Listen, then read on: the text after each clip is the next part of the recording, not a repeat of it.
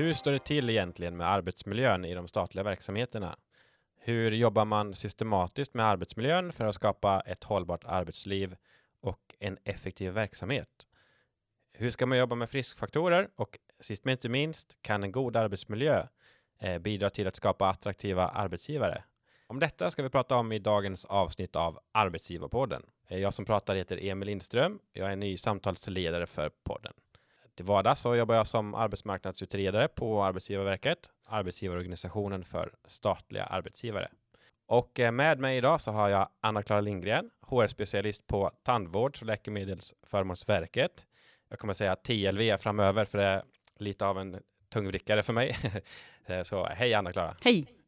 Sen har jag Tarja Nevall här bredvid mig som är arbetsmiljöexpert hos oss på Arbetsgivarverket som också är min kollega. Hej Tarja! Hej! Varmt välkommen också du som lyssnar. Ja, men då kör vi igång tycker jag.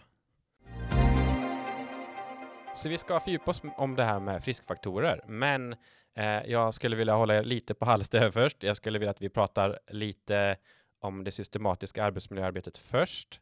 Eh, för att åstadkomma en bra arbetsmiljö så brukar man säga att det systematiska arbetsmiljöarbetet är eh, grunden. Så eh, Tarja, skulle du vilja börja med att berätta lite vad det systematiska arbetsmiljöarbetet faktiskt innebär för någonting? Jag vill börja med att säga absolut att systematiskt arbetsmiljöarbete är faktiskt en grund. Vi kan se det som en process, ett bra smart sätt att jobba med arbetsmiljö. Det är en kontinuerlig process som eh, består av återkommande aktiviteter. Och de fyra aktiviteterna som vi brukar prata om handlar om att undersöka, riskbedöma, åtgärda och följa upp arbetsmiljöarbetet. Alltså helt enkelt så är det systematiska arbetsmiljöarbetet hur vi jobbar. Mm. Och det är något man måste göra enligt lag eller är det förordningsstyrt? Eller? Ja, det är faktiskt så att det finns eh, utgivna föreskrifter som handlar om det systematiska arbetsmiljöarbetet och det behöver vi följa eh, som arbetsgivare. Just det, så ska man se det som liksom en hygienfaktor på arbetsmiljöområdet lite grann? Ja, man skulle väl kunna säga så att, att eh, det, det, kan vi faktiskt göra. Men den är en, eh, det är en otroligt viktig pusselbit. För att genom att vi, vi använder den här, det är faktiskt en smart modell som inte bara egentligen går att applicera på arbetsmiljöarbetet utan det går ju att applicera på, på eh, hur vi bedriver verksamhet i, i vanlig ordning. Mm. Hur tänker du då?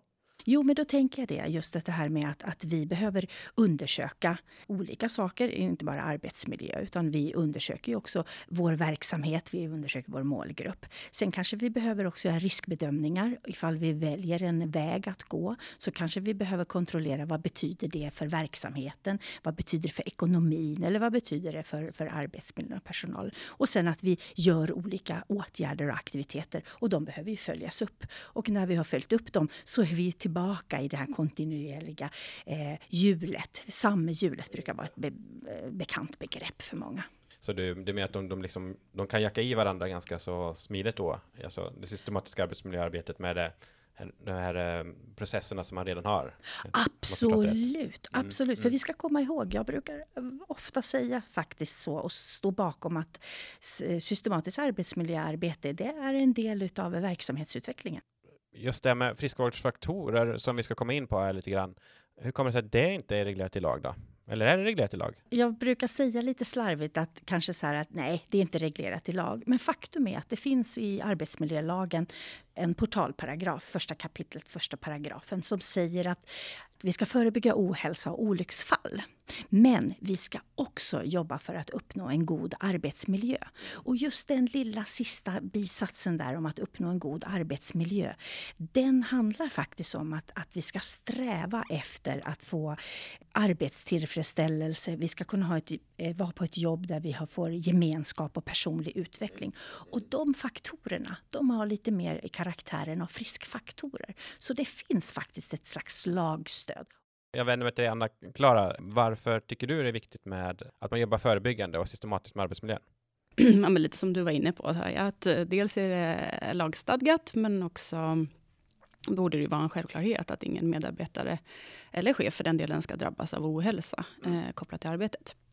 Att man som arbetsgivare ska förhindra det i liksom så stor utsträckning som det bara går. Det systematiska och att undersöka, det känns ju väldigt grundläggande. Eh, både den fysiska, och organisatoriska och sociala eh, arbetsmiljön. Och, alltså, dels de här delarna som, som ingår, liksom ergonomirond och skyddsrond och medarbetarundersökning eller någon form av mätning är ju viktiga delar. Och andra delar är ju eh, att uppmuntra och skapa utrymme för dialog. Eh, främja psykologisk trygghet, skapa möjligheter att vara kreativa tillsammans. Eh, och vi använder faktiskt företagshälsovårdens tjänster mer kopplat till proaktiva insatser mm. och hälsa än okay. de reaktiva. Eh, Tarja, jag tänkte på, vi har ju precis släppt en eh, arbetsmiljörapport, hur arbetsmiljön ser ut inom den statliga sektorn. Skulle vilja nämna någonting om den?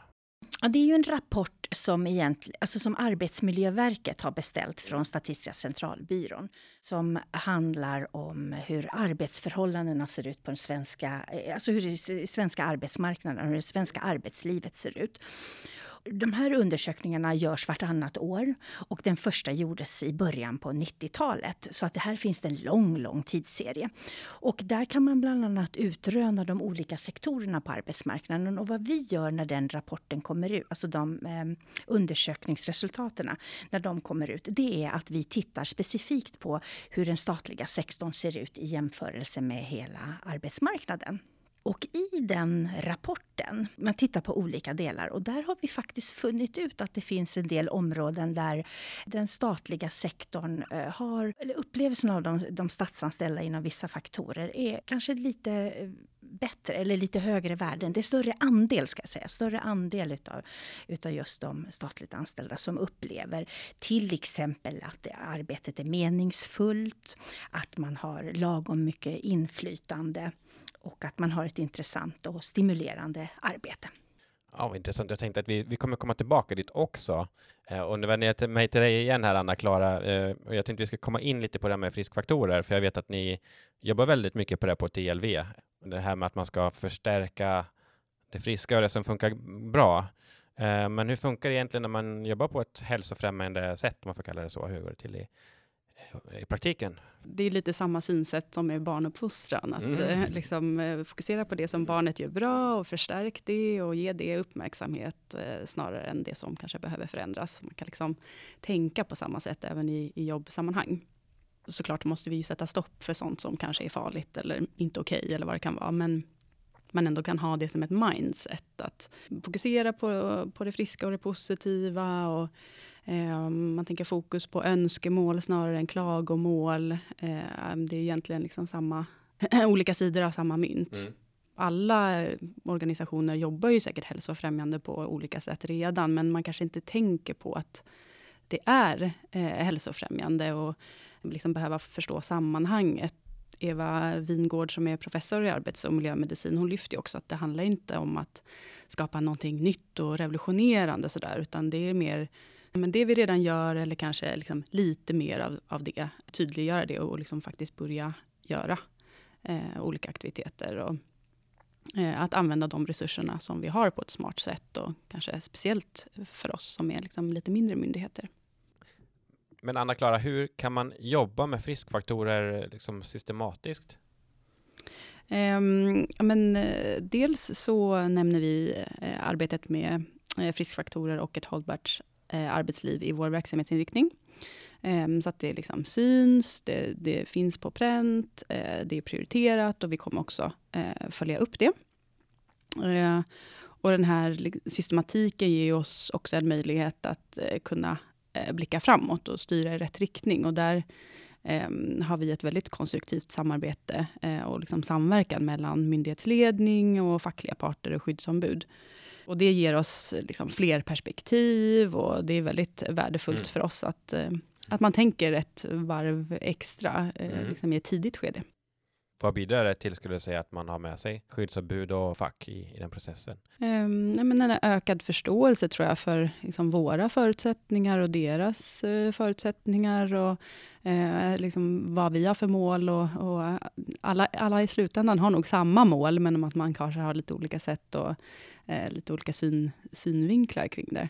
Mm. Um, men just att det verkligen är en dialog, att det finns en eh, förståelse för eh, liksom varandras eh, förutsättningar. Ett väldigt roligt sätt att, att jobba och jag tror att det ger verksamheten mycket, mycket mer också. Att, att vi är eh, liksom på samma sida snarare än eh, helt, helt motsatt. Det låter ju väldigt eh, bra. har du något exempel på någon aktivitet som ni har sysslat med? Vissa saker kan ju vara eh, eh ganska eh, enkla, sådär, någon, någon friluftsdag eller höja eh, skrivbordet när man går för dagen och så att det står upp så att nästa person som kommer kanske börjar stående. Och vardagsgrejer eh, eller, eller lite större aktivitet. Vi har ju ett chefsmöte eh, då varannan vecka med alla chefer som, som vi på HR leder. Eh, och där är syftet att ge kunskap och insikter och inspiration. Och i år har vi då valt att fokusera på friskfaktorerna och vissa mm. av dem mer än andra. Okay. Eh, och eh, där så fick, fick de börja med att titta på eh, vilka de själva ville prioritera, både avdelningsvis och eh, individuellt. Eh, men sen upplägget på de här mötena som eh, är under året då, ser lite olika ut. Ibland får man arbeta i par eller i smågrupper. Och där har vi haft eh, tema aktivt lyssnande i samband med lansering av en ny eh, medarbetarsamtalsmall. Mm. Och det är utifrån friskfaktorn kompetensutveckling. Mm. Och eh, caseuppgifter kopplade till att skapa närhet trots avstånd i en hybrid vardag. Och det är utifrån friskfaktorerna rättvis och transparent organisation och utvecklande ledarskap och medledarskap. Eh, sen har vi också eh, diskussionsövningar kring eh, medledarskap. Eh, man tänker för introduktion för nyanställda. Där vi pratar om det här, vad är, vad är mitt ansvar som medarbetare och mm, rättigheter och skyldigheter kring det. Och eh, coaching och feedback är eh, metoder som vi liksom lär ut och att både medarbetare och chefer får träna på. Eh, och det stödjer liksom de värdeord också som vi har med att arbeta tillsammans och tillit och tydlighet. Ehm, och ehm, ett roligt tillfälle var när vi hade lite avslutning i chefsgruppen inför julen. Då, mm. så gjorde vi en övning då, när man fick peppa varandra med positiv feedback, eh, som kallas eh, Circle of Love. Ja, den, eh, just det känner jag igen. Ja, så den har vi inte kommit på själva, den har vi ju snott någonstans ifrån. Men, och, eh, och vad är det den innebär? Att man är en lite mindre grupp då, så får alla eh, ge positiv feedback till en person som då sitter med ryggen mot övriga, så den behöver inte bemöta den här feedbacken, även om det då är positivt. Men eh, man tar bort det här eh, spärren som kan vara, eh, att det kan vara jobbigt att ta emot feedback, även, även när det liksom är positiva saker. Eh, och så har man en, en viss tid på sig bara, då, så ska man hinna liksom peppa och säga så mycket som möjligt eh, till den personen. Och så går det runt så att alla, eh, he, hela gruppen får, får feedback av de andra.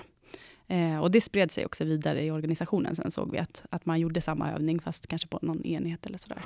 Jag tror ju verkligen på liksom det här med feedbackkultur, att eh, det är någonting man måste öva på. Eh, både att, ge och, och liksom komma ihåg och, och ge, och, och, också det här med hur tar man emot det då? Och, ehm, om det nu är det här konstruktiva, att att eh, inte hamna i försvarsställning, utan försöka lyssna in och, och det positiva också, att man inte liksom skojar bort det eller säger att eh, eh, nej, men det, var, det var gruppen, det var inte jag. Att man kanske inte liksom alltid tar åt sig eh, fullt ut.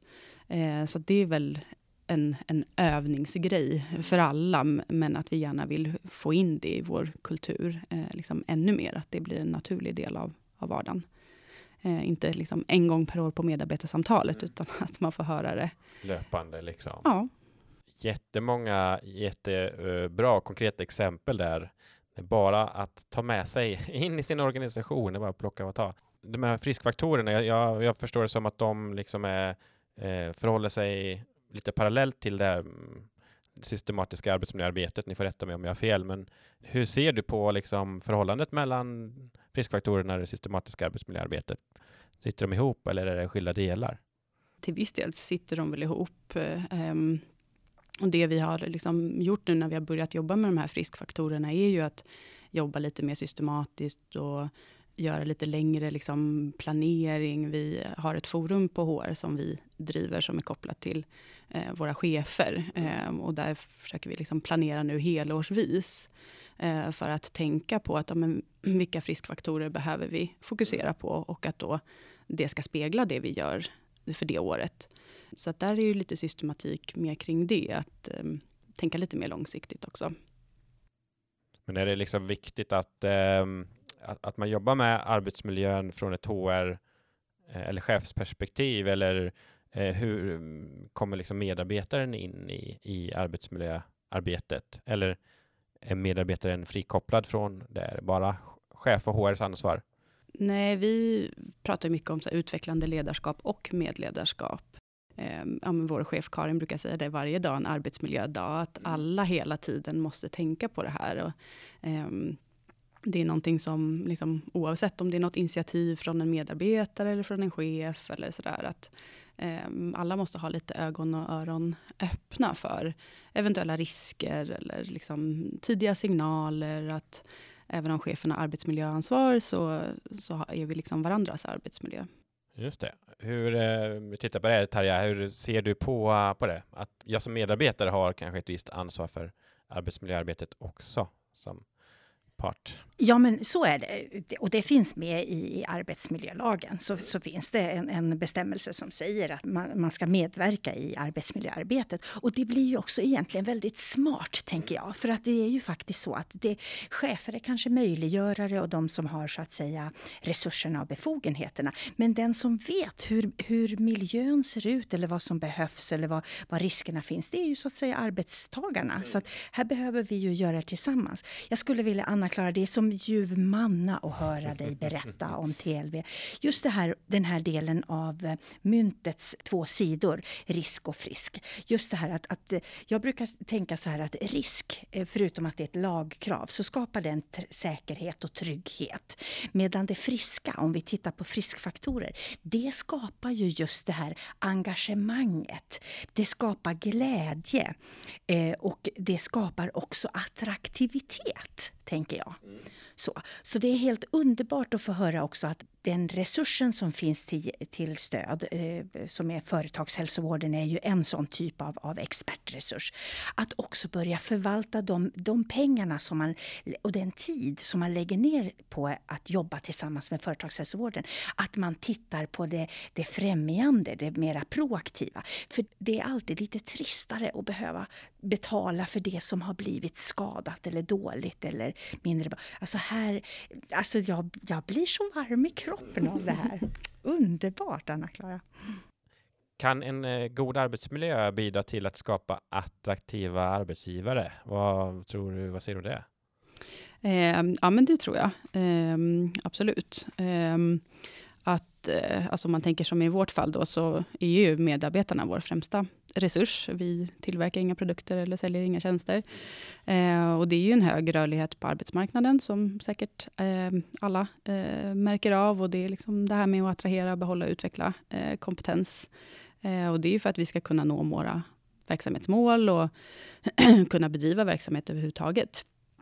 Eh, så där är ju ett av våra eh, långsiktiga mål, just att vara en attraktiv arbetsgivare, där medarbetare känner engagemang. Och där tror ju vi att liksom, det här arbetet med eh, friskfaktorer och att eh, om, om, vi nu har en bra, kan erbjuda en god arbetsmiljö och eh, liksom olika utvecklingsvägar, att det eh, kommer hjälpa oss i det här kompetensförsörjningsarbetet. Och om man mår bra och liksom trivs och så, att man också då kan eh, prestera bra där har vi gjort olika aktiviteter som vi har plantbytardag, där man kan byta sticklingar med varann. Och de, delta i, ja, det passar bra på våren, eh, så är det väl snart dags. Eh, ja, men delta i olika motionslopp tillsammans och inspirationsföreläsningar med gemensam frukost innan. Och, eh, att vi liksom förhoppningsvis då kan sudda ut vissa organisatoriska gränser och eh, jobba ännu mer tillsammans, som då är vår, ett av våra värdeord, men också liksom det här tvärfunktionella. För att nå våra verksamhetsmål så behöver vi oftast ha olika perspektiv, att det eh, inte blir för mycket stuprör. Eh, så det, det tjänar vi ju på i den aspekten, men också eh, för att liksom attrahera eh, ny kompetens.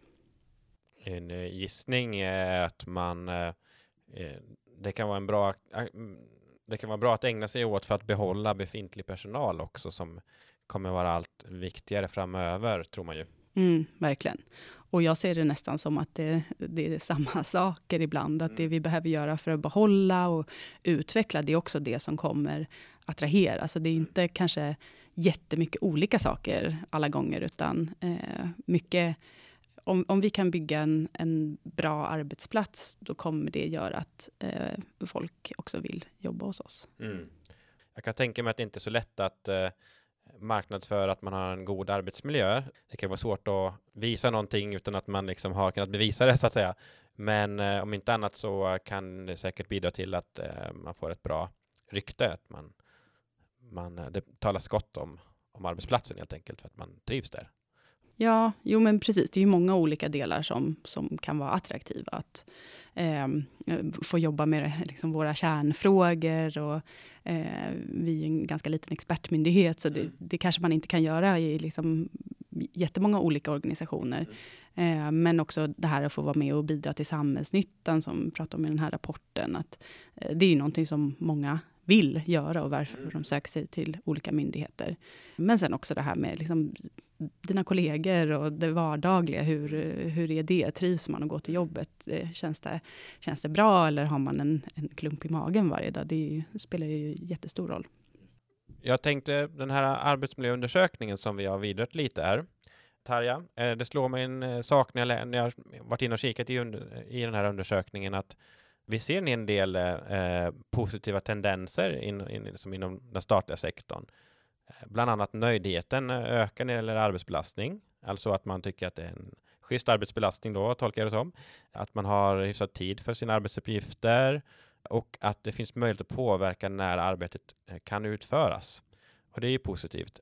Men sen när man, man liksom läser vidare så finns det vissa områden som kanske kan behövas förbättras. Till exempel att um, man, man har ont i nacke och rygg, eller många har det i alla fall. Eh, och många mm, jobbar ganska stillasittande. Vad kan vi dra för slutsatser av det resultatet? Jag tänker mig så här att vi kanske inte ska dra allt för stora slutsatser. Alltså så. Men jag tror, precis som du säger Emil, att det är ju så att eh, det finns någon slags pandemieffekt och vi hittade nya, eller ja, hittade, vi blev nöd till att vara på andra, i andra slags arbetsmiljöer och det oftast så var det ju då, eller i det här fallet så var det ju hemmet. Och det är klart att eh, där ser arbetsmiljön lite annorlunda ut. Så, så att vad jag tänker mig att vad vi ska verkligen ta fasta på är att ha det här på bevakning. För det är ju så att likväl, eh, för då, då pratar vi risker, liksom, att det här är på bevakning om vi ser att någonting har en tendens att, att öka, någonting som inte är bra. Så så här tänker jag mig att vi ska ha det på bevakning och sen så ska vi sprida kunskap om vad som är, till exempel när det gäller den, den fysiska delen, då pratar vi ergonomi. Och att eh, då behöver vi få ökad kunskap inom ergonomi. Och där kan jag väl tipsa om att eh, det finns ju en ergonomifilm som Arbetsgivarverket har gjort tillsammans med en ergonom. Och jag tycker att det viktigaste som Anna, ergonomen där säger, det är variation. Mm. Jag tror att det finns väl, Anna-Klara, någon eh, liten sån här ergonomi-slogans även bland dina kollegor? Ja, det är vår eh, kollega Camilla som brukar säga att eh, den bästa arbetsställningen är den nästa arbetsställningen. Mm. Smart. Mm. Att man, ska, man ska variera sig med andra ord. Alltid variera sig. Mellan att stå och sitta och Ja, och hemma. Ja, och hemma kanske man till och med kan halvligga eller ligga på soffan och läsa eller jobba. Ja, så det är bättre än att eh, bara stå? Så är det, variation. Det är inte bra att stå hela dagen och det är inte bra att sitta hela dagen. Men däremot så kan vi väl också säga just de där, om vi nu pratar om, om riskerna, men just med nacke och axelbesvären. Eh, det har ju också att göra med att det är mycket bildskärmsarbete och det kanske är, är just för att man har datorn inte alltid eh, skärmen i rätt ögonhöjd och, och eh, kanske belysningen är sämre och, och så där. Så, men vi ska också komma ihåg att eh, titta på framförallt nu när vi är tillbaka, eller många är mer tillbaks på kontoren och så, men också titta på det som, eh, ja, som Anna-Klara säger, det, det här det positiva eller de, de friskfaktorerna. För det finns säkert också mycket i hemmiljön eller i, i det arbetssättet. För dem, vi ska komma ihåg, för de som kan jobba hemifrån så finns det också många bra friskfaktorer som man då behöver ta tillvara. Och det skulle kunna vara då en ökad trivsel till exempel, eller tänker du? Ja, Ja. till exempel det. Just det. Ja, jag tänkte Anna-Klara, ehm, har du något exempel på hur man som arbetsgivare kan underlätta för medarbetare att ta kontroll över sin fysiska arbetsmiljö? Eh, ja, där har vi dels, eh, i och med att vi har ett nytt kontor och numera jobbar aktivitetsbaserat, eh, sett att det är ett sätt att liksom medarbetaren får ta eh, kontroll, att man kan anpassa sig vart man sitter utifrån vad man gör för arbetsuppgift ehm, där och då. Det är olika zoner med olika ljudnivå, möjligheter att samarbeta. Eh, vi har också ett rum med ergonomiska hjälpmedel som man kan liksom testa på lite. Man kanske har hört någon kollega som tycker någon, någonting är bra, så kan man testa på det. Eh, och sen ehm, kanske få det permanent om, om det är någonting man behöver. Ehm, sen flyttade vi in ganska nyligen, så vi höll fortfarande på att bo in oss och liksom mm, testa sådär, hur, hur får man till det på bästa sätt. Men, men det är en grej. Ehm, och sen har vi också ett gym i den här nya fastigheten. Mm. Mm. Så där har vi en idé om att kanske ta dit en fysioterapeut som kan ha något form av introduktionspass och sådär. liksom allt, allt vi kan göra för att sänka tröskeln. Dels de som kanske eh, tränar ibland och vill göra det lite mer, eller de som, som inte brukar göra det vanligtvis. Ehm, men, men sen kan det ju vara andra saker också. Planera in gemensamma promenadpass eller köpa in såna här gummiband som man kan dra i lite här och där. Och gåband eller eh, arrangera en hälsodag eller ha någon, någon hälsogrupp eller sådär. Eh, och sen så har vi ibland visat upp lite såna här lekfulla paus-gympapass. Eh, det finns ju Mhm. liksom en uppsjö eh, av dem. och vissa är väldigt roliga, så då får man både rörelsen och eh, liksom att skratta Ah. tillsammans. Och sådär. Eh, det blir en bra, bra paus och då Det är ganska smart faktiskt. lever vi som vi lär också. Liksom. Så det, det är roligt. Vi gör mycket, eh, men, men det finns ju mycket mer att göra också. Att, eh, eh, det finns absolut eh, områden där vi behöver liksom fortsätta eh, jobba. Jag tror inte man blir liksom färdig med eh, arbetsmiljöarbetet eller, eller att man uppnår friskfaktorerna, utan det är liksom hela tiden någonting man måste titta på. Ständigt arbete liksom. Ja, om man, man lyssnar på det här och känner att ja, men nu måste jag ju ta med det till min organisation och implementera det här med friskvårdsfaktorer. Eh, har du något tips på vad man ska tänka på när man börjar implementera en sån här sak? Det vi gjorde var ju dels att samarbeta med vår kommunikationsenhet och få liksom deras take eh, på det. Och sen är det ju grundat i forskning, så att det är ju ingenting som vi har hittat på helt själva. Vi har gjort lite eh, mindre justeringar sådär. Mm. Ehm, men sen eh, gjorde vi så att vi introducerade eh, det här eh, begreppet och, och liksom tanken bakom för alla chefer. Och förklarade att det var grundat i både det som framkommer i avgångssamtal, eh, men också såna här mätningar som vi har gjort, för att eh, ja, förklara varifrån det kommer och, och liksom nyttan med att jobba så här, och sen att de då får möjlighet på olika sätt, då, eh, både på avdelningsnivå och sen mer per individ, då, att titta på men vilka, vilken eller vilka faktorer eh, kanske vi behöver liksom jobba lite extra på. Eh, så, att, så att det blir anpassat efter, eh, efter dem också. Ja, men det intressant. Jätte, jättebra tips. Eh, Tarja, innan vi går in på sista momentet här, skulle du säga att den statliga sektorn är eh, bättre eller sämre på arbetsmiljöarbete jämfört med de andra sektorerna? Kan man säga någonting om det? Nej, oss alltså, för bröstet.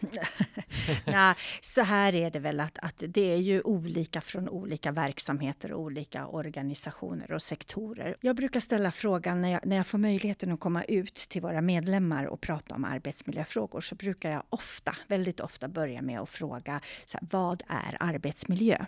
Och alltså den kartan, alltså de orden, alltså de, eh, det är ett jättestort mål och det är så otroligt mycket. Så det är väldigt svårt att säga, det beror på de olika faktorerna, alltså så, om, om, inom vilka områden eh, en verksamhet är bättre eller, eller sämre. Men eh, jag tycker så här att, att rent generellt inom den statliga sektorn så, så kämpas det på väldigt mycket. Och, man, och väldigt, väldigt många av våra medlemmar är, är, är liksom har förstått vitsen med arbetsmiljöarbetet. Att det är en vinna-vinna situation. Och det är också så att vi har också många förstått vikten av att en god arbetsmiljö skapar attraktivitet, skapar glädje och skapar en höjd effektivitet eller produktivitet. Mm. Så, så att jag, jag vill stanna vid det. Det låter i alla fall väldigt hoppfullt tycker jag. Jag tänker att vi ska testa ett litet nytt moment här i podden eh, där jag skulle vilja ha ett kort svar i form av ja eller nej. Och eh, man, ni ska naturligtvis få eh, utveckla er efter jaet eller nejet. Så är det två frågor var här och då börjar vi med Tarja tänkte jag. Eh, Tarja, det är bättre att jobba ståendes än sittandes. Ja eller nej på den? Ja, som ni hörde mig tidigare säga så är det variation, så det går inte att säga. Jag är ledsen, jag kan inte säga ja eller nej. Det beror... Det är helt... Variationen är det viktiga. Det är helt mm. okej. Okay. Vi fick ju en liten förklaring på det här tidigare också. Så Anna-Klara, aktivitetsbaserade kontor skapar bättre arbetsmiljö än fasta arbetsplatser, ja eller nej? Ja. Ja. Vill du utveckla? Vill utveckla det? Eh, och det är eh, baserat på, tycker jag, att det har blivit en positiv förändring för vår del i alla fall, nu när vi eh, flyttade. Och, eh, lokalerna är lite mer så att man kan gå runt och eh, man träffar eh, och sitter bredvid någon som man kanske vanligtvis inte gör. Man hör och snappar upp saker och det blir lite mer socialt och liksom rullians, eller vad man ska kalla det. Okej, okay, Tarja. Uh, arbetsmiljöarbetet är allas ansvar. Det är inte bara HR som ska driva det. Ja eller nej? Det är verkligen allas ansvar. Jag tänkte på det som eh, Anna-Klara sa. Var det din chef som hade sagt det här med att eh, varje dag är en, arbets, eh, varje dag en arbetsmiljödag? ja, och för att det ska vara det, alltså det, det är allas ansvar.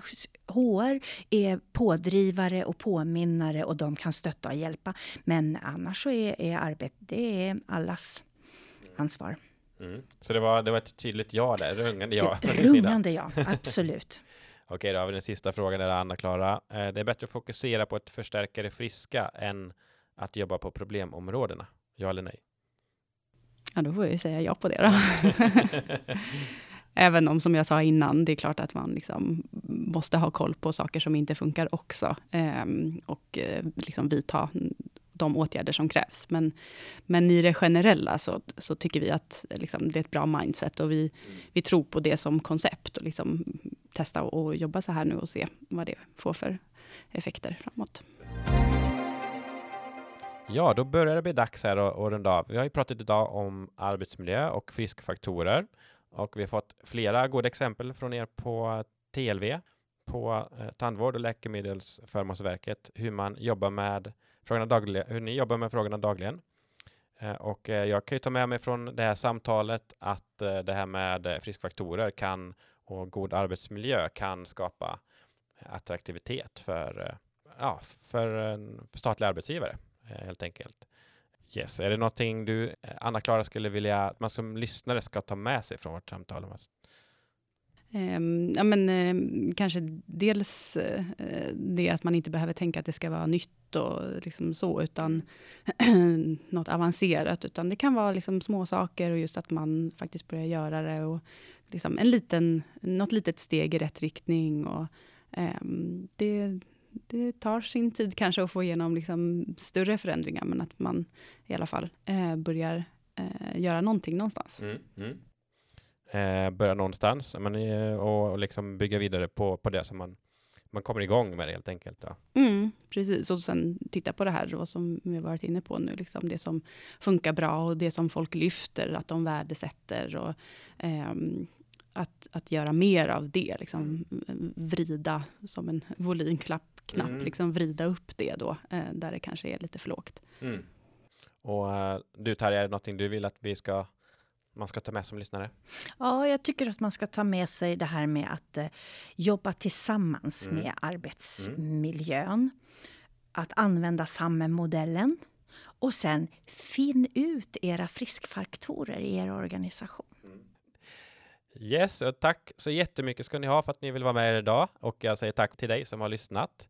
Och eh, kan det vara så att du sitter och jobbar med friskfaktorer på din arbetsplats, då är jag jättenyfiken på hur i så fall hur ni jobbar. Hör gärna av er till oss på webb.arbetsgivarverket.se så hörs vi snart igen. Tack så mycket. Hej då. Hej då. Hej då!